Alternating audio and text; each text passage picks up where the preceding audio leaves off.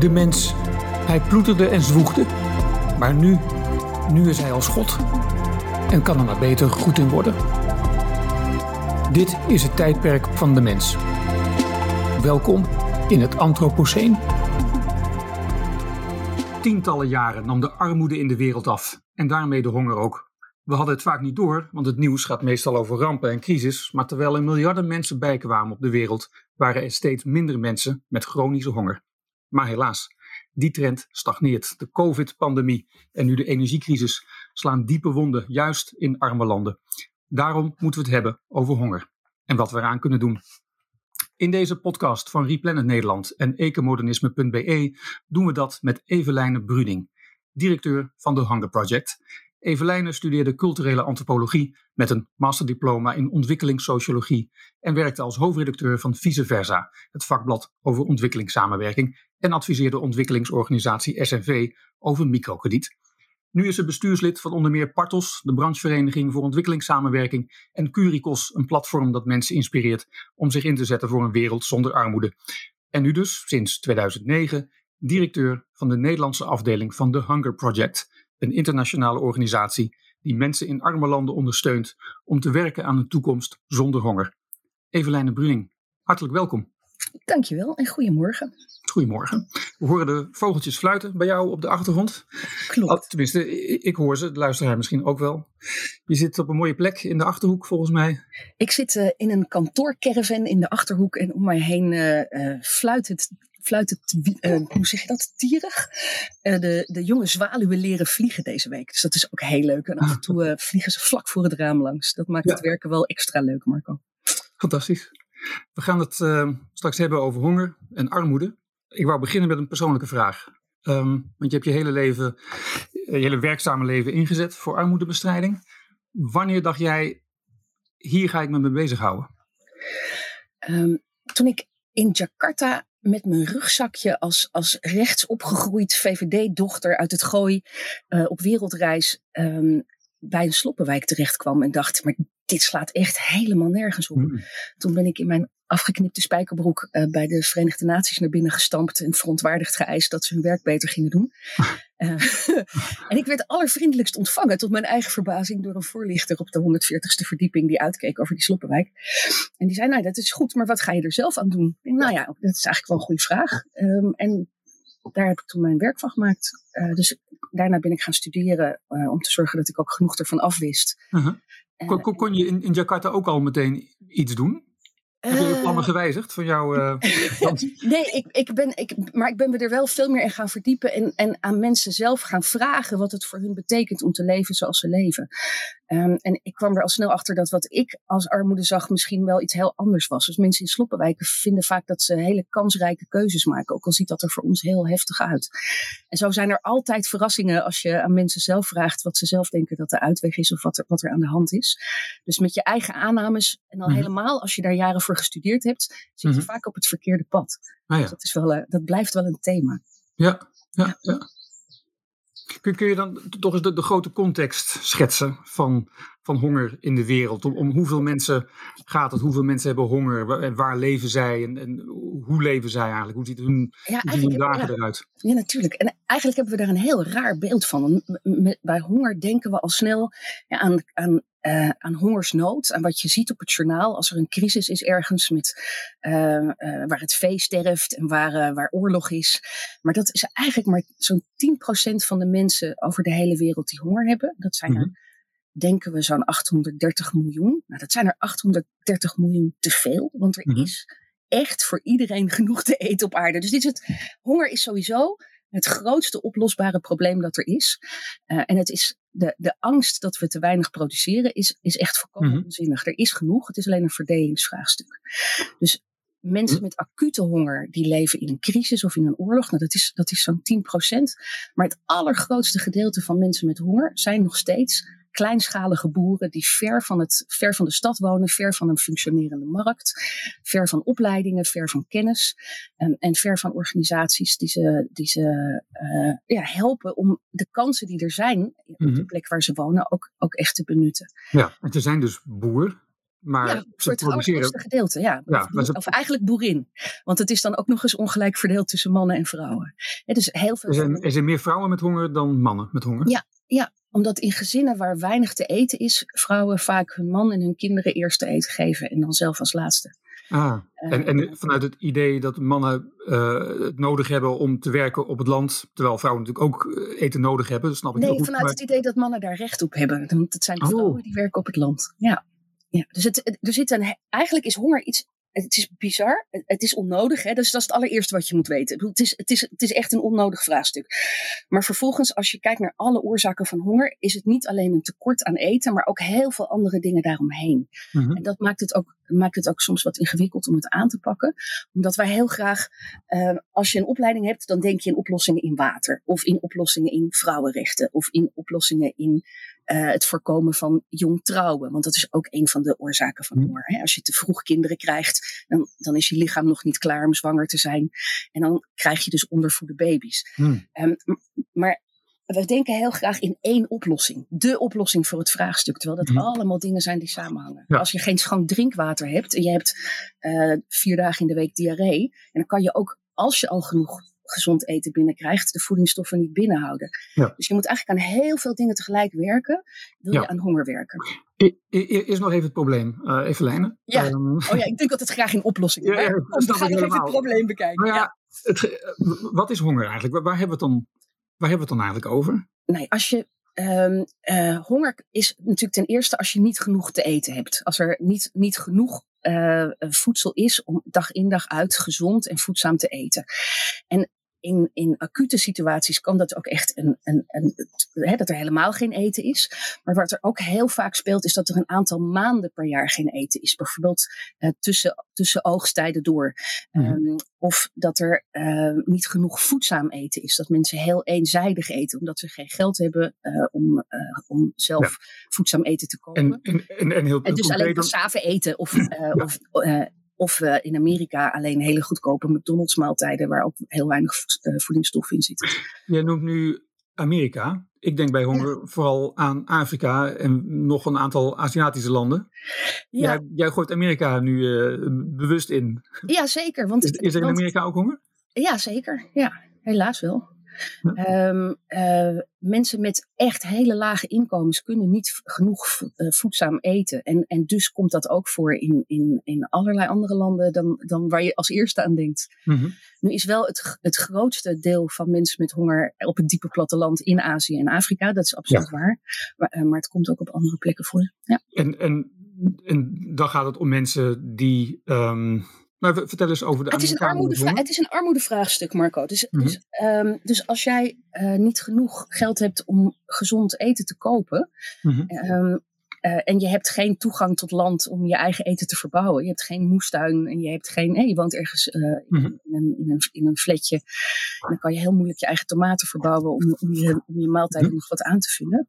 Dan, eh, dan, dan kan het heel goed zijn dat je gewoon dag in dag uit te weinig vo- voedingsstoffen binnenkrijgt. Het ziet er misschien heel raar uit. Het ziet er misschien wel uit als mensen die heel erg dik zijn. Ja. In Afrika heb je ook mensen die heel eenzijdig eten en die, die er echt heel stevig en gezond uitzien. Maar als je daar, um, eh, als je daar goed kijkt naar wat die aan, gezond, aan gezonde voedingsstoffen Mhm. binnenkrijgen, dan komen die dag in dag uit tekort. Ja. Om zich bijvoorbeeld te kunnen concentreren op school of, eh, of, of de dag in dag uit te kunnen werken en productief te zijn. Ja, ja oké. dus honger kan ook gaan om. Ja, is het dan ondervoeding of gewoon slechte voeding? Dat, dat je niet de juiste. Ja, slechte voeding lijkt dat voedingsstoffen onder binnen- voeding, hè? Precies, ja. Ja, ja, ja. Oké, oké. Maar goed, het merendeel gaat nog altijd over de Afrikanen die ik in mijn hoofd had toen wij dit gesprek Eh, en begonnen. de Indiërs en de Bangladeshi en de Pakistanen en de Afghanen. Ja, ja. Ehm, eh, maar het, het grootste deel is dus niet eh, in zo'n in zo'n situatie van, van, van mensen op de vlucht voor oorlog. Hoewel dat ook wel een deel van de reden is dat de honger weer toeneemt. Eh, Dus dat komt. Ja. eh, eigenlijk hadden we bijvoorbeeld in Afrika de honger gehalveerd. Eh, tussen 2005 en 2015 eh, waren we met de hele wereld echt ontzettend goed op weg Ja. om die honger de wereld uit te krijgen. We hebben niet voor niks met elkaar de Sustainable Development Goals getekend in, in 2016, waar de hele wereld, zelfs Mark Rutte, die niet zo van de vergezichten is, zijn handtekening heeft gezet onder. We gaan een mhm. einde maken aan de honger en dat lukt ons in 2030. Maar eigenlijk was juist het moment dat we die, dat, dat we die afspraak maakten, het kantelpunt waarin het in plaats van steeds verder vooruit, weer steeds verder achteruit is gegaan. En dat, dat komt met name, het is, dat is nog steeds die grote massa kleine boeren die, die, uh, die geen toegang hebben tot gezond eten of tot, tot een markt. Maar ook door um, sinds die tijd de toename van conflicten door heft, steeds heftiger worden, wordende klimaatverandering. Dus als kleine boer zonder oogstverzekering, zonder irrigatie, zonder mhm. toegang tot goed, goed zaaigoed. En als daar steeds meer stormen, uh, overstromingen en, en heftige droogtes over jouw land uh, trekken. Mhm. En dan, dan heb je het heel zwaar op dit moment. Ja. Dus eigenlijk de grootste slachtoffers van klimaatverandering zijn, zijn alweer die mensen die het, die het al zo zwaar hadden. Ja.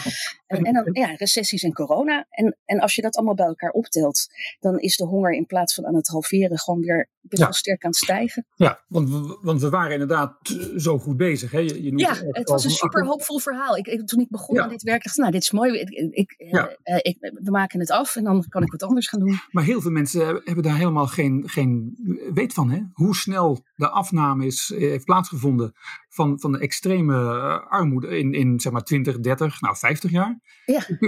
Wil je daar eens wat cijfers op, uh, op plakken en, en, en vertellen over ja, wat dan de oorzaken zijn, waarom die honger en de armoede zo sterk zijn afgenomen? Ja, nou kijk, um, het mooie was, de, de, honger en armoede namen ontzettend sterk af, terwijl de bevolking sterk groeide. Dus het is eigenlijk heel tegenintuïtief. Dan denk je, ja, maar er komen steeds meer mensen bij. Hoe kan het dan dat die honger afneemt?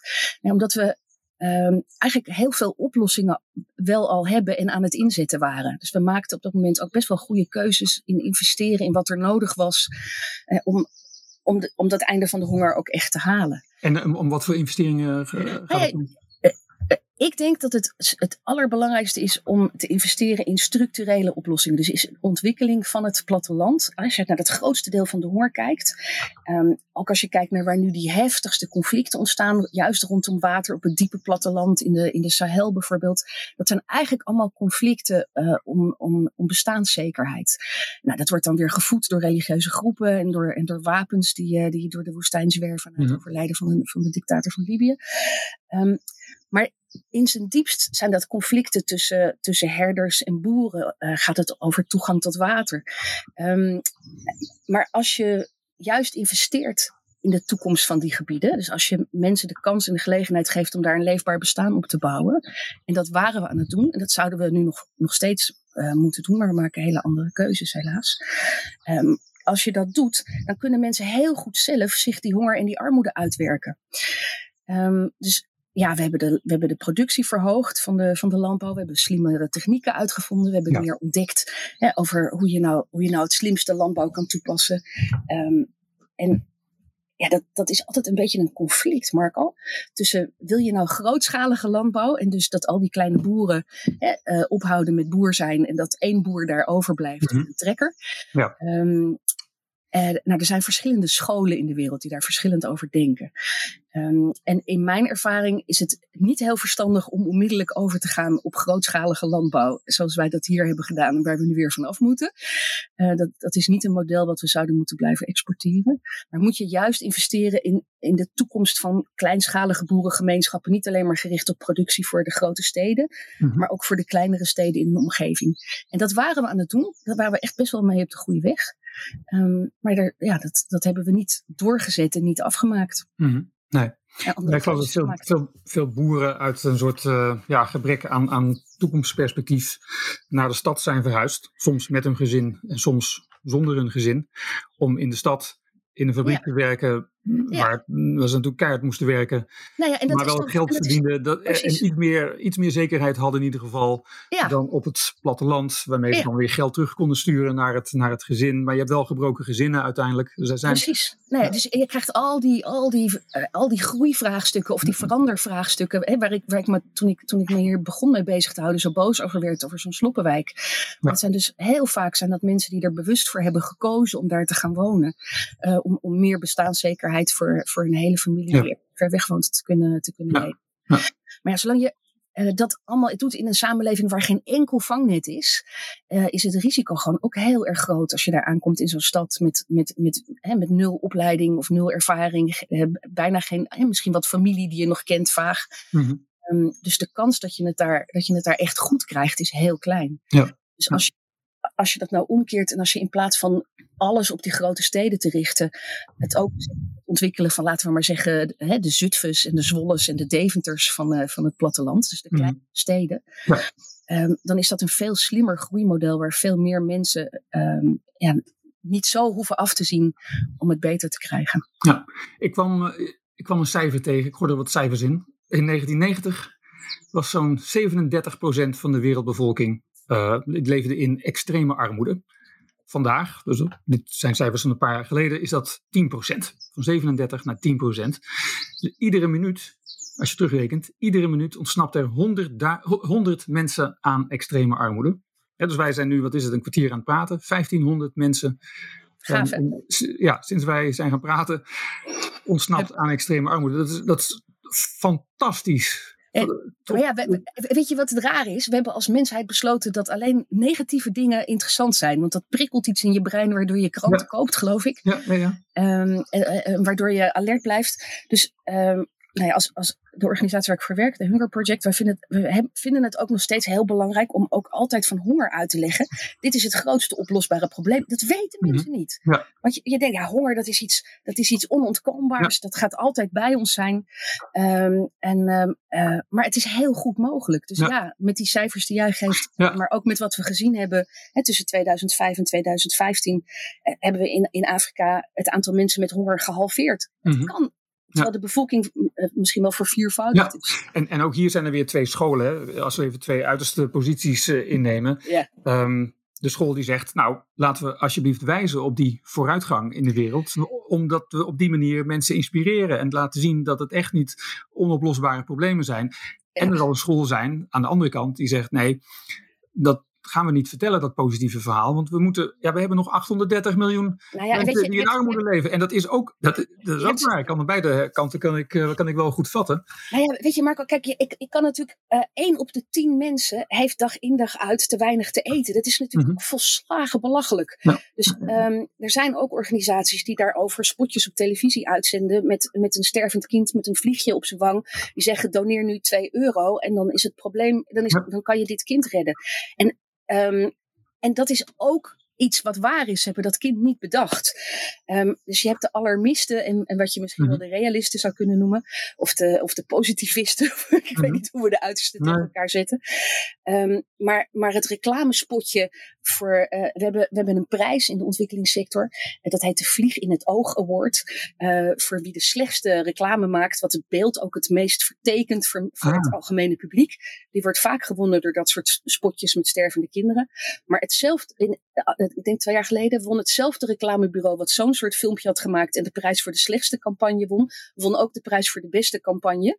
Omdat ze dat prima ook konden, maar gewoon een andere opdracht kregen. En dat was een meer positiever verhaal misschien? Een veel positiever verhaal. Ehm, wat we natuurlijk. Um, en ik denk dat het heel belangrijk is om allebei te vertellen, maar, maar om daar ook bij te vertellen dat er ook echt een oplossing mogelijk is. En niet alleen door 2 euro te doneren, maar, maar ja, daar is wel iets meer voor nodig. Ja. Wij, we gaan het zo hebben over de Hunger Project en wat de Hunger Project eraan doet. Ik, ik wil het toch nog hebben over de trendbreuk die, die, die sinds. Ja, nee, eerst, begrijpen, eerst begrijpen waar we het over hebben voordat we. Precies, ja. ja dat gaan we doen. Want er, er, is een trendbreuk ontstaan in die dalende lijn waar we zo, zo lang al mee bezig waren. Ja, ja die, die, is die is gestagneerd. En ja, COVID heeft daar een rol in gespeeld. Maar eigenlijk was er daarvoor, geloof ik, ook al uh, sprake van een van, een, van afnemende vooruitgang, zo moet ik het zeggen volgens mij. Ja, ja. Um, en, en nu dus de energiecrisis. Hè. We, wij betalen voor de LNG-containers die al klaar waren voor Afrika. En die hebben daar in de haven van Afrika rechtsomkeerd gemaakt, omdat wij helemaal meer geld voor dat gas uh, betaalden dan, uh, dan de Afrikanen uh, kunnen. Um, wil je eens meer vertellen over ja, wat er nu gaande is en, en, en hoe dat verder zou kunnen gaan met wat het betekent voor de, voor de armoede in de wereld? Ja, uh, maar natuurlijk, kijk, um, we waren op weg om, uh, om echt te gaan naar het einde van honger en het einde van armoede. Daarom hebben ook hè, 193 wereldleiders ervoor getekend dat dat een haalbaar doel was. Dat, daar hebben ze gewoon allemaal een handtekening onder gezet en gezegd dat gaan we doen, daar gaan we in investeren. Dat, mm dat was niet zomaar een loze visie, dat was echt iets wat haalbaar was. Totdat we met z'n allen andere keuzes zijn gaan maken. Dus een aantal dingen uh, zijn misschien geen keuze. Klimaatverandering, nou kan je debatteren. Um, het heeft super veel invloed als jij, uh, als je al heel weinig vangnet hebt en heel weinig reserve. Als er dan een storm over je dorp raast en de oogst is weg, en dan, dan, dan heb je dus niet twee maanden in dat jaar geen eten, maar, maar acht maanden of tien maanden. Dan kan je het schoolgeld van je kinderen niet meer betalen. Dus daar, daar, dat gaat heel hard uh, als, er zoiets, als er zoiets gebeurt. Of een mm -hmm. grote overstroming juist. En hier in Limburg zijn we ook nog niet klaar met het herstel van de schade die er, uh, die er daar is aangericht. Maar er is wel een overheidsfonds uh, om die schade te herstellen. Uh, de meeste mensen hadden een verzekering. Um, en anders hebben we ook nog wel weer een actie op televisie om, om geld te mobiliseren. Om, om mensen daar te helpen met een nieuwe koelkast. En in heel veel veel verder afgelegen gebieden in de wereld is dat niet zo. Dus, dan is er, dus alles wat daar aan klimaatverandering, aan, aan drama overheen komt, moeten mensen zelf opvangen. En die hebben al geen reserve. Dus dat, is, dat, dat helpt niet. Dan is het aantal conflicten toegenomen. Als je bijvoorbeeld kijkt naar waar we dan zo ontzettend trots op zijn, zo'n graandeal in de Oekraïne. Dus heel, mm -hmm. veel, heel veel tarwe wordt geëxporteerd. Um, naar met name de, de, de, stedelijke gebieden in Afrika. Daar, daar, daar wordt het ook echt mm -hmm. uh, als voeding ingezet. Allemaal niet lokaal geproduceerd. Um, maar die graandeal, ja, het grootste gedeelte daarvan hebben wij omgebogen. Gaat naar ons uh, als veevoer, hè, naar, naar rijkere landen. Dus gaat niet naar de normale afnemers. Uh, tenzij die nog veel hogere bedragen neerleggen. En dan komt al heel snel voor de armere bewoners in de steden, in, in, in, uh, in die landen die daarvoor van afhankelijk zijn van het graan, mm -hmm. raakt, raakt, dat eten buiten bereik. Maar dit moeten we toch, Evelijn, dit moeten we toch van de daken schreeuwen, dit onrecht, wat jij nu benoemt? Ja, ja, ja we, doen, we doen best wel ons best om dat te doen. Hè? Uh, maar we vinden nieuws van ver weg vinden we niet zo heel interessant in. Nederland. Dus, um, en, en misschien uh, uh, zouden we nog veel harder moeten schreeuwen en stampvoeten en, en lawaai moeten maken. Dus er komen, er komen natuurlijk met grote regelmaat gedegen rapporten uit. We publiceren, hè, de wereld publiceert elk jaar hongercijfers. Dan krijg je er best een stukje over in de krant. Er is de afgelopen twee jaar meer aandacht dan, dan de vijf jaar ervoor voor honger. Waarom? Omdat het slecht gaat. Ja. En dat schrijven ja. we dan op. Um, hè, dus recessie, maar ook de impact van corona. Als je kijkt naar een land als India, waar, waar gewoon um, alles op slot ging, bedrijven dichtgingen, waar mensen dus allemaal terug trokken naar hun eigen, naar hun eigen dorp waar ze vandaan kwamen, omdat er geen werken, geen inkomen en helemaal niks meer was in de steden. En die dus allemaal extra uh, druk kwamen leggen op, de, op, op, wat er in, in de dorpen beschikbaar was. Dat heeft ontzettend veel impact gehad. De, de, dus de, de, Um, het gebrek aan inkomen, het gebrek aan bestaanszekerheid, geen toegang tot, tot school ineens meer voor hele generaties jongeren. He, bij ons uh, waren we wel aan het mopperen dat alle kinderen op afstand onderwijs hadden, maar er was wel nog steeds onderwijs. En er waren in heel Nederland onderwijzers die de schriftjes rondbrachten um, en die, die, uh, die allemaal nog probeerden om er het beste van te maken. En dat duurde een paar maanden, maar daarna gingen we weer aan de bak. In Oeganda zijn de scholen twee jaar lang gewoon dicht gebleven. En er was geen computeronderwijs, want niemand heeft een computer. Um, dus ja, op een aantal van de ziekere privéscholen in Oeganda ongetwijfeld wel, maar het mm -hmm. grootste gedeelte gewoon niet. Onderwijzers kregen niet betaald. Um, en dan, dan, dan sla je dus een gat uh, in zo'n hele generatie van twee jaar. Die, die ja, moesten dan maar gewoon zich thuis. Uh, ja. En, ja, um, het, het, thuis zelf zien uit te zoeken. Dus wat, wat, wat speelt er in de afgelopen jaren? Nou, het is weer een combinatie van allemaal, een optelsom van, van allerlei ellende. Um, maar het, het hoeft niet zo te blijven. Ja. Het kan um, echt anders. We gaan het hebben over de Hunger Project. Ik ben, niet, ik ben niet van de alarmisten. Nee, nee, nee. Nou, we gaan maar, het hebben over, over jouw werk en, en, wat je eraan doet met de Hunger Project, waar jij de directeur van, uh, van bent. Kun je, kun je eens vertellen over wat de Hunger Project doet, concreet, misschien wel aan de hand van, van, van praktische voorbeelden? Hè? Wat is de visie? Waarin is het anders dan andere uh, NGO's die ook bezig zijn met armoede? Ja, Uh, dank je. Uh, we zijn ooit opgericht door John Denver. Uh, het is jammer dat je niet een podcast hebt met heel veel muziekjes. De country. De, country ja, precies. We zouden nu Country Roads Take Me Home onder kunnen monteren. Ja, of iets anders gezelligs. Um, en een groep vrienden die, die eigenlijk al meer dan 40 jaar geleden zeiden. Maar honger is echt een idioot vraagstuk. Het is volkomen onnodig. Dus eigenlijk zijn wij opgericht al meer dan 40 jaar geleden om een einde te maken aan de honger. En we hebben steeds weer gekeken. Wat is het nou wat je zou kunnen inzetten om dat ook echt voor elkaar te krijgen. Um, en uh, nou ja, zo, zo, daar probeer je van alles in. Dus we hebben ook jarenlang geprobeerd zoveel mogelijk handtekeningen op te halen op straat. En, en woede en, en, en, en, ja. uh, en, uh, en, en, de politiek daarin mee te krijgen. En, um, maar wat we uiteindelijk ontdekt hebben en wat we, wat we, wat we nu al, ik denk zo'n 15 jaar doen, is echt investeren in gemeenschappen waar honger is om het zelf op te lossen. Uh, en dat, dat, dat klinkt bijna rechts. Mm. We zijn misschien wel het meest rechtse goede doel wat je kan bedenken. Want wij investeren in zelfredzaamheid. Um, het, is, het is ontzettend gaaf om te zien hoeveel mensen zelf kunnen als je ze het vertrouwen geeft dat ze het ook zelf dat ze dat ook, dat ze dat ook kunnen. En eigenlijk begint dat in, hè, we werken nu in zo'n uh, in 13 landen, in bijna 12.000 dorpen. En dan, wat, we, wat we doen, we hebben een in elk land een lokaal team van, van deskundigen. Die gaan op zoek in een dorp naar wie zijn hier nou de voorlopers. Wie zijn de mensen die durven te dromen dat het anders kan? Mm -hmm. En de mensen met, met, uh, met Hoe herken je die trouwens? Ja, dat begint gewoon met praten onder een boom. Dan zeg je, als we nou volgende week terugkomen en we willen praten met mensen die, die rare ideeën hebben in dit dorp, kan je die dan bij elkaar brengen? Maar er gebeurt niet heel veel, dus, uh, dus dat vindt iedereen hartstikke spannend. Dus dan zitten er dertig man. En dan zeg je, god, wat, wat, wat, wat, wie zijn hier, wie zijn hier de mensen met, met dingen die ze uit aan het proberen zijn, die wel werken? En wie kan er hier lezen en schrijven? Wie heeft er hier uh, genoeg, genoeg inkomen om, uh, om zijn kinderen naar school te sturen?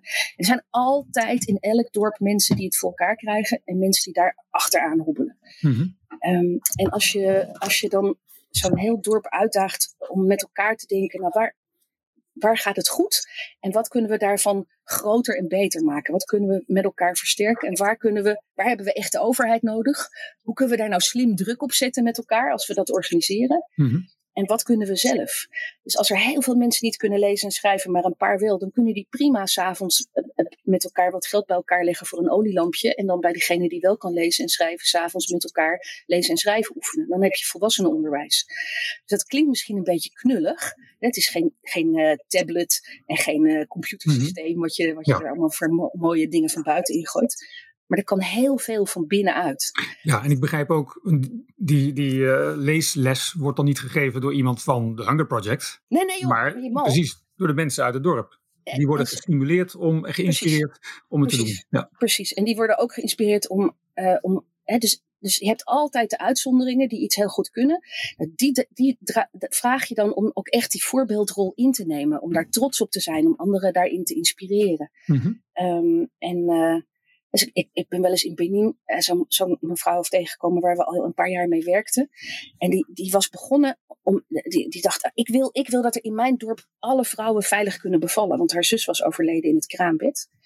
En um, Kisegui heet ze. En uh, toen ik er zag, stond ze echt super trots met een microfoon in haar hand te praten over de voordelen van sparen voor een hele grote groep vrouwen. Maar op de rug droeg ze de baby van haar zus. En die, die had zo'n handtasje in haar, uh, in, haar, in haar hand. Zo, en achter haar rug kwam alsmaar dat handtasje uitbungelen. Maar haar grote inspiratie was dat, dat, dat voortaan de vrouwen in het dorp veilig zouden kunnen bevallen. Nou, en niemand wou haar geloven. Dus ze ging, s ochtends ging ze als eerste ging ze een uur eerder opstaan. En ging ze vier uur al een ontbijt koken voor haar gezin. Dan kon zij om vijf uur, als de andere vrouwen gingen koken, kon ze één voor één bij de buren langs om ze te vragen om met haar mee te dromen van een kliniek in het dorp met een, met een verloskundige. En die zei, nou, dat, daar geloven we echt helemaal niks van. Dus na een jaar had ze nog helemaal niemand mee. Zei ze, weet je wat ik ga doen? Ik ga gewoon het eerste stenen huis van het dorp bouwen. En dan worden ze allemaal, dan, dan, dan geloven ze me wel dat, dat er hier iets kan. Dus die is toen een jaar gaan, gaan sparen van haar werk. En die heeft het eerste stenen huis neergezet. Um, en en kreeg, kreeg op die manier een hele andere manier van denken. Niet door te vertellen dat het kon, maar door het te laten zien. Uh, kreeg, ze, kreeg ze mensen mee. En zo is eigenlijk elke keer de, de, uitdaging aan voorlopers om zelf te bedenken hoe krijg je nou de rest mee. Um, en vaak zijn het uh, de eerste drie, vier jaar de voorlopers en daarna komen er andere mensen die, die, die het weer verder dragen. Hè, de, die, die het eerst niet durven te geloven, maar die iets minder pioniers zijn, maar die het dan afmaken. Mm -hmm. Een hele andere kwaliteit. Dus het, dat zie je hier ook. Als je, iets, als je iets van verandering organiseert, zijn het niet dezelfde mensen die dat 15 jaar volhouden. Mm -hmm. Um, nou, dat is, dat is precies hetzelfde in elk dorp, waar dan ook ter wereld. Dus ons, ons werk is om die mensen te vinden en ze te coachen en trainen en begeleiden, om dat vol te houden. En, het de, hè, en als, het niet meer, als ze het niet meer zien zitten, om weer iemand anders te vinden die dat stokje van ze overneemt. Het is inderdaad een, een werkwijze die een lange adem uh, vereist, denk ik. Het vereist een lange adem, dus het is een jaar of zeven, acht, negen. Um, vaak. Uh, soms gaat het wat sneller, uh, soms kan het in vijf jaar. Maar het, het, het vraagt met name ook dat je dat, dat probleem op heel veel vlakken aanpakt. Dus dat je de kinderen naar school krijgt, dat, dat, dat mensen gebruik gaan maken van gezondheidszorg, dat de overheid die ook levert en ook regelmatig levert. Mm-hmm. Uh, dat mensen daarop durven te vertrouwen, dat ze gezonder gaan eten met wat er lokaal beschikbaar is. Dus honger gaat niet om het uitdelen van, van voedingsmiddelen, maar kijken wat kan ik hier, mm-hmm. welke groenten kan ik hier zelf gaan verbouwen, welke, wel, wat kan ik aan mijn eten toevoegen zodat het gezonder wordt. Ja. Um, en uh, wat, wat, kunnen we zelf doen om te voorkomen dat, dat tienermeisjes zwanger worden? Nou, en, enzovoort, enzovoort, enzovoort. Als je, uh, en een dorp kan heel veel zelf, maar er gaat ook van alles mis. Dus om niet bij de eerste of bij de derde tegenslag cynisch en apathisch te worden en te denken, zie je wel, het is voor ons niet weggelegd. Mm-hmm. Um, dat, dat vraagt heel veel. En eigenlijk ja. bestaat ons werk uit, uit dat, dat die hobbels steeds weer mensen helpen om daar weer overheen te klimmen. Ja. Maar ja, het leven heeft nou eenmaal hobbels. Dat is overal zo. Um, ja. Als er geen vangnet is, zijn die hobbels soms wat steiler. Ja, en het zal ook vast niet altijd um, slagen, maar daar leer je waarschijnlijk ook weer van. Lessen die je ook weer kunt toepassen in Precies. volgende projecten. Uh, nou ja, lessen die het dorp zelf kan toepassen uh, uh, bij hun volgende idee. Dus het, het, is niet zo dat wij een, een, hele keten van dorpen waar het niet gelukt is achter ons laten om het in een ander dorp opnieuw te proberen. Dus op de, op de, we, hebben, we hebben nu zo'n 500.000 getrainde vrijwilligers die in hun eigen dorpen aan de slag zijn. Um, en dus je hebt niet mega veel budget nodig om heel veel mensen te bereiken. Dus wij bereiken 16 miljoen mensen dit jaar met ons werk. En dat is, dat is heel Nederland, zeg maar, mm-hmm. bijna. Ja. Um, en daar, ja, daar heb je dus niet ontzettend veel uh, voor nodig. Ik denk dat we een begroting hebben van, wat is het, misschien 25 miljoen. Dus dat zit echt in juist dat heel slim organiseren van wat er lokaal allemaal al wel kan. Ja, maar um, betalen jullie dan ook mensen ter plekke die toch af en toe komen kijken bij het dorp om de mensen te inspireren en om ja. te kijken wat er ja, is. Dus we hebben, we hebben lokale teams. Hè, dus hoe vaker ik daar met mijn blanke dikke kop uh, in een dorp ga vertellen hoe het moet, hoe minder, hoe minder het slaagt. Mm -hmm. Dus dat, dat doen echt lokale deskundigen die uit het land zelf komen. Vaak mensen die met een beurs in de stad hebben gestudeerd, maar die echt iets terug willen geven aan hun eigen land. Mm -hmm. Dus die gaan in de dorpen steeds weer opnieuw hè, de, uh, trainingen verzorgen voor die vrijwilligers. Zorgen dat, dat vrouwen gehoord worden. Want een van de belangrijke sleutels die, van verandering die, die echt niet vanzelf gaan, is dat je, um, dat je diversiteit moet organiseren. Het is niet omdat vrouwen het beter kunnen, maar maar vrouwen, als vrouwen überhaupt niet gehoord worden, dan, dan sluit je wel heel veel wijze ideeën ja. uit. Maar ook jongeren. Um, dus als je dat uh, en, en dat zijn wel dingen waar je echt iemand van buiten voor nodig hebt om, om te helpen, om, ja. om dat om te denken. Ja, maar vrouwen uh, zijn toch ook, of is dat een cliché dat het niet klopt? Vrouwen denken toch ook meer voor de lange termijn, terwijl mannen iets meer, wanneer het om geld gaat, hè, meer op de korte termijn zitten? Ja, worden daar sociaal op, op afgerekend. Hè? Dus, uh, dus door je omgeving word je, word, word, je op veel plekken als man beoordeeld op wat je hebt ja. en niet op wat je doet voor anderen. Um, uh, maar dat is lang niet altijd het geval. We hebben briljante mannelijke trainers die, die ervoor zorgen dat vrouwen gezonder koken, omdat ze dat nou eenmaal een interessant thema vinden. Mm-hmm. En we hebben ook vrouwen die er met de kast vandoor zijn. Um, uh, overal, ja, ja. In, alles, in alles zit van alles. Um, maar als je kijkt naar, naar al die plekken, naar al die gemeenschappen waar we, waar we mensen hebben getraind en opgeleid, dat, ja, dan zie je dat na, na vijf tot acht jaar, um, dan, dan halen ze hun eigen doelen. Hè? Dus een dorp stelt zijn eigen doelen. Wanneer zijn wij zelfredzaam? Wanneer kunnen we zonder jullie verder? En dan gaan we ook echt weg. Um, houden we nog van, vanuit de verte wel contact. Tegen die mm tijd hebben, hebben, er heel veel mensen een mobiele telefoon. En dan bellen ze af en toe als ze er niet uitkomen. En uh, uh, dan kan je, nog wel, kan je nog wel wat advies geven. Maar dan kunnen ze het echt zelf. Dan hebben ze een, uh, een, een, lokale organisatie met gekozen leiders. Die met enige regelmaat vervangen worden. Want het is nooit verstandig om dat twintig jaar achter elkaar in de handen mm -hmm. van één iemand te geven. Ja. Um, maar dan is er ook bijvoorbeeld. We, we doen best wel uitgebreide evaluaties. Dan, dan meten we wat is er nou veranderd. Um, en, en, dat meten we als we weggaan. Maar we hebben ook al een aantal keer, een paar jaar nadat we waren weggegaan, uh, daar onderzoek naar laten doen. Van blijft het dan ook ja. uh, zo, zoveel beter dan het, dan het was toen we, toen we daar met, met die mm-hmm. gemeenschap begonnen. En dat, dat is zo. Dus het, het werkt. En, en, dus daarom doe ik dit nog steeds. Ja. het is, ik kan, kan, kan me nog steeds geen mooier werk voorstellen. Ja, ja, ja. Dat zijn eigenlijk misverstanden over armoedebestrijding. Dat arme mensen slachtoffers zijn die niks kunnen. En dom zijn en lui. Mm -hmm. um, uh, en, en dat, is, dat is een vrij hardnekkig misverstand. En dat is misschien ook wel uh, door de manier waarop we de financiering van, van projecten hebben ingericht. Uh, wat bedoel je daarmee? Er is van de overheid is er ook geld voor ontwikkelingssamenwerking. En dat wordt aan grote technische organisaties uh, bij voorkeur gegeven. Want dan is dat makkelijk. Uh, een overheid vindt ons maar heel raar. We hebben maar een klein budget, dus dan kunnen we toch nooit een goede organisatie zijn. Hmm. Um, terwijl als je, als je ja, als je het echt slim inricht, dan heb je misschien wel niet heel veel geld nodig. Um, maar um, wat, we, wat we doen met elkaar is een super technische bril opzetten. Dus dan komen er allemaal experts die een projectvoorstel schrijven. En dat gaat dan over water, want er is financiering voor water. En dan ga je naar een dorp. En de meeste mensen hebben wel begrepen dat je de dorpelingen er een beetje in moet betrekken. Maar dan kom je al met je auto waar water op staat. En dan stel je alleen vragen over water. En dan ga je een waterproject uh, organiseren. En denk je, ja, het dorp is te dom. Dus dit moeten we dus natuurlijk niet zelf laten beheren. Daar zetten we iets anders voor op. En dan na drie jaar, dan is die pomp kapot. En dan is het project afgelopen, want die financiering was maar voor heel eventjes. En niemand, niemand kan er verder meer, uh, is daar eigenaar van. En, want ze zijn, ze zijn nooit van, van meet af aan gevraagd van nou, hoe gaan we dit water hier het slimste regelen? Mm -hmm. Hoe gaan jullie dat zelf want, want, wij denken, ja, we hebben, een, we hebben een gestudeerd, we hebben een opleiding, we hebben een financiering, wij weten hoe het moet. Ja. En dat doen we nog steeds. Het is verbijsterend. Dat doen we al, dat doen we al 50 jaar.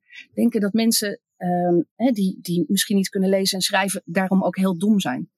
Um, en ook niet zelf kunnen bedenken wie het beste voor het water kan zorgen. Mm -hmm. uh, uh, en ook misschien wel omdat we daar dan de tijd niet voor nemen. Omdat je dan heel snel heel veel geld moet, uh, ja. weg moet organiseren. Ah, het, is, het is van de zot. Het is echt heel verdrietig van te worden. Ja. Dus wat is een verschil tussen wat wij doen en wat anderen doen? Nou, er zijn, er zijn gelukkig we zijn echt niet de enige organisatie die gelooft dat gemeenschappen het zelf kunnen. En we werken ook met veel organisaties samen die dat ook geloven. En die daar ook zo mee bezig zijn. En we, je kan dit vraagstuk never nooit niet met één organisatie oplossen. Hoe, hoe goed het verhaal ook is. Mm -hmm. Daar is ja. het te ingewikkeld en te groot voor. Um, en dat zou ik, ook, zou ik ook nooit willen betogen. Maar ik, het, het zou ontzettend fijn zijn als we blijven investeren in de kracht van mensen om het zelf te doen. Ja. Ja. Um, en hoe banger we worden dat geld misbruikt wordt, hoe minder we dat doen. Het is eigenlijk precies hetzelfde als in Nederland uh, de, onze burgers niet vertrouwen en onze onderwijzers. Ja, ja dat misbruik maken van regelingen. Ja, ja, ja, en dus krijg je het ene na het andere zieke protocol wat je moet invoeren, uh, invullen. Nou, dat betekent dat een dorp gewoon zelf nooit een ontwikkelingsbudget kan beheren, want er zijn zoveel papieren die moeten worden ingevuld. Um, uh, en, en ja, er zal heus af en toe wel eens iets misgaan. Nou ja, als dat nou het allerergste is. Um, maar we hebben het nu zo um, zo we hebben de, de, de angst en de zorg hè, dat er een kamervraag komt over dat er ergens 20.000 euro verkeerd besteed is. Mm -hmm. Die hebben we zo groot gemaakt dat het bijna onmogelijk wordt om, om nog in gemeenschappen te investeren. Dat moet allemaal met een accountant um, en met 700.000 ja. triple gecheckte bonnetjes, waardoor het toezicht eigenlijk duurder is dan het project zelf. Ja. Suf. Ja. Wij, dus uh, daar al... zou ik ook nog wel wat van willen vinden. Ja, maar dat ja, heb ik hierbij gedaan. Maar. We hadden het er al eerder in dit gesprek over. Armoede, honger. Het zijn niet echt de sexy thema's van, uh, van vandaag. We willen, het, het, we willen het niet weten, hè? Nee, God, en er zullen vast mensen zijn die, de, die zich daar zorgen over maken. Maar uiteindelijk het gesprek gaat veel vaker over nou, klimaatverandering hè, of uh, verlies van biodiversiteit. En trouwens in de podcast hier gaat het ook daar vaak over. En als het om sociale problemen gaat, om mensen. En voeding hebben we het misschien eerder over obesitas dan over honger uiteindelijk. Of over uh, de, de, de, rijkdom van, van miljardairs hè, en voetballers die uh, half miljoen per dag verdienen. En niet zozeer over de mensen die moeten rondkomen van, nou wat is de definitie van extreme armoede? Anderhalf euro nu per dag? Uh, ja, er, er, wordt, er, wordt, nog steeds gediscussieerd over definities. Ja, maar uh, ja, ik, nee, maar je, dat er ook zijn die 2 euro ja, aanhouden. Maar er zijn echt heel, veel, heel veel mensen die dat ruim niet halen. Nee, nee maar je, je begrijpt mijn, mijn, mijn punt. Hè? Het, het lijkt wel alsof ja, alsof we onze ogen toch een beetje sluiten voor armoede. Dat we het niet zien als een urgent, dringend probleem of te groot om op te lossen, zoals we het eerder al, uh, al over hadden. Ja, en ik denk dat hij met name daarin nou? zit. Ik denk dat hij met name daar. Dus het lijkt iets wat zo groot is, hè, alsof, je, uh, alsof je een triathlon tegen de Himalaya op aan het uh, zou moeten doen. Dus ja. Terwijl het juist een steeds kleiner probleem is geworden. Wat ook betekent dat we dus aardig goed weten wat nee, er moet gebeuren. We noemen het niet voor niks het grootste oplosbare probleem ter wereld. Want er is, en dus ook die, dat, dat, dat waanidee dat er te weinig is. Hè, dus dat, dat we het oplossen door nog veel meer te gaan produceren. Mm-hmm. dat, dat, is echt onzin. Dat ja. is ook echt valse informatie. Ja. Uh, want er is, we produceren genoeg voor 13 miljard mensen. En, uh, uh, dus uh, en daar zijn we nu niet.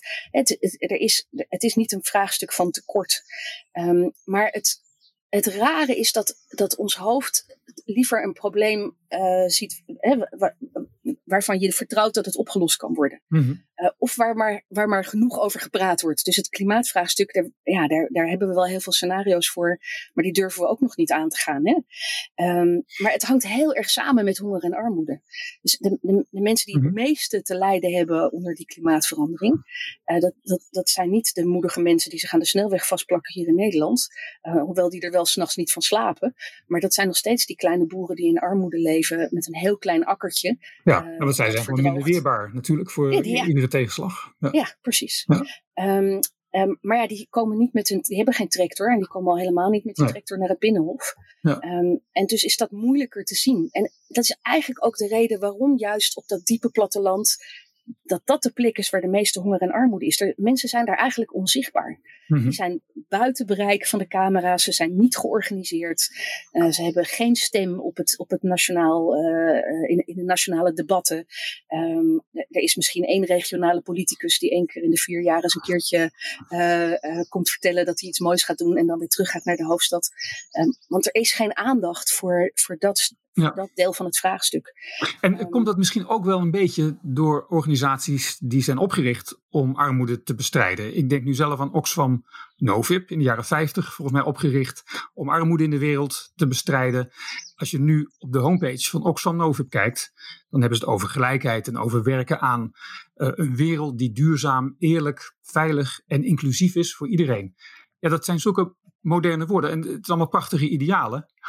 Maar het ja, woord armoede, dat wordt verder niet, nee, niet genoemd. Nee, maar het is niet hip. Dus het is, het is best slim om, uh, om middelen te werven voor klimaatrechtvaardigheid. Want daar zijn dat staat vooraan in het, in het denkbeeld van mensen. Dus als je onder een, onder een, als je een publieke fondsenwervingsorganisatie ja. bent, zoals Oxfam dat is, dan speel je in op waar het publiek op dit moment zich zorgen over ja, maakt. En kennelijk maakt het publiek zich niet zorgen over honger. Nee, maar kijk, het, als, als Oxfam werkt aan klimaatrechtvaardigheid, dan werken ze ook aan honger en armoede. Want dat zit zo nauw met elkaar verweven.